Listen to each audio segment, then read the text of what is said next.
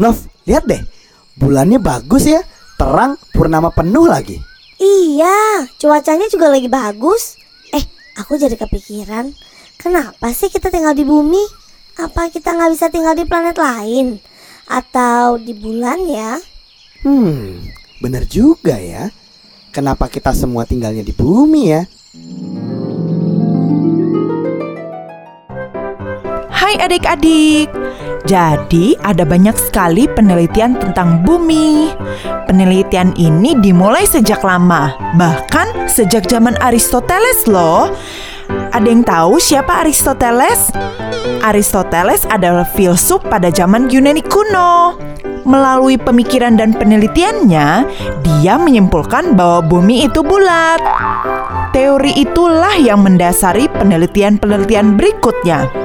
Dia juga meneliti berbagai macam spesies tumbuhan dan hewan yang ada di bumi, termasuk manusia. Nah, bermula dari pemikiran bagaimana bentuk bumi, lalu muncullah pertanyaan, apakah ada makhluk lain di luar planet bumi? Karena rasa penasaran yang sangat tinggi dan juga semakin majunya ilmu pengetahuan, akhirnya diciptakannya banyak penelitian-penelitian. Penelitian itu berfungsi untuk mengenal bumi dan planet-planet lain. Jadi, ini ada beberapa alasan kenapa bumi adalah tempat yang dapat kita tinggali. Yang pertama adalah ketersediaan asam amino dan air. Berdasarkan penelitian dari National Geographic, bumi kita terbentuk dari ledakan dahsyat sekitar 13,8 miliar tahun lalu yang dikenal dengan teori Big Bang. Beberapa penelitian mempercayai selang 600 sampai 700 juta tahun kemudian atau sekitar 3,9 sampai 3,8 miliar tahun lalu, hujan meteor membombardir bumi dengan membawa serta air dan asam amino dalam jumlah yang banyak. Adanya air dan asam amino memungkinkan muncul cikal bakal kehidupan bakteri bersel tunggal Sejak saat itu, makhluk hidup pun tumbuh semakin kompleks. Coba bayangkan, jika seandainya tidak ada air, bagaimana cara kita bertahan? Alasan yang kedua adalah tersedianya oksigen yang cukup. Tentu saja, oksigen merupakan anugerah terindah bagi makhluk hidup seperti manusia. Apa yang akan terjadi jika makhluk hidup kekurangan oksigen? Pasti kita akan punah. Nah, selain oksigen, karbon dioksida berperan penting dalam fotosintesis tumbuhan. Ketika makhluk hidup bernafas, maka ia akan menghirup oksigen dan mengeluarkan karbon dioksida. Sedangkan tumbuhan menghirup karbon dioksida dan menghasilkan oksigen. Dari tumbuhan jugalah manusia dan hewan memperoleh oksigen. Makanya, kita juga harus menjaga tanaman di sekitar kita ya. Yang paling terakhir adalah atmosfer.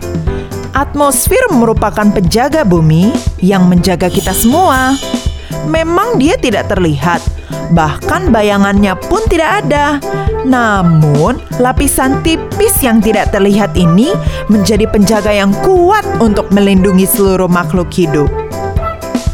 Perlindungan ini sangat berguna agar kita terhindar dari serangan benda asing luar angkasa. Sebetulnya ada banyak sekali asteroid atau benda luar angkasa yang masuk ke bumi kita. Tetapi benda tersebut sudah habis terbakar ketika melewati atmosfer bumi. Bumi kita adalah satu-satunya planet yang layak huni planet-planet di dalam tata surya kecuali bumi saat ini tidak mengandung unsur yang dapat menopang kehidupan. Tetapi bukan berarti tidak ada planet lain di luar langit sana yang mempunyai kehidupan seperti di bumi. Manusia akan selalu mempercayai keberadaan makhluk hidup seperti dirinya. Jadi, buat kita semua, yuk mari sama-sama menjaga keberadaan bumi kita agar menjadi tempat yang nyaman untuk ditinggali bersama. Wah, aku nggak mau deh tinggal di planet lain. Ternyata tinggal di bumi enak dan nyaman banget. Iya, aku juga. Dan aku kepikiran untuk lebih menjaga bumi kita agar tetap nyaman untuk kita tinggali bersama.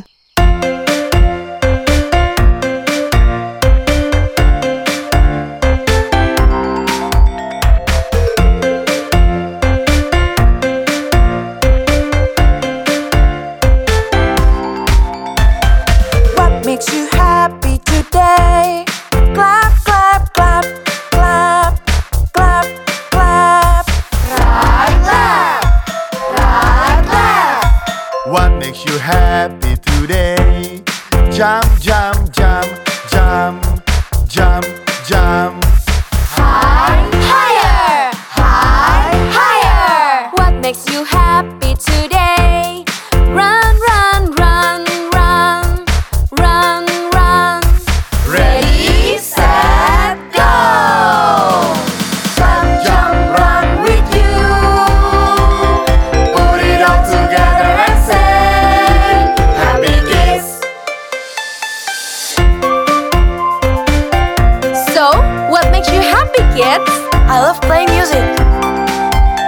about you?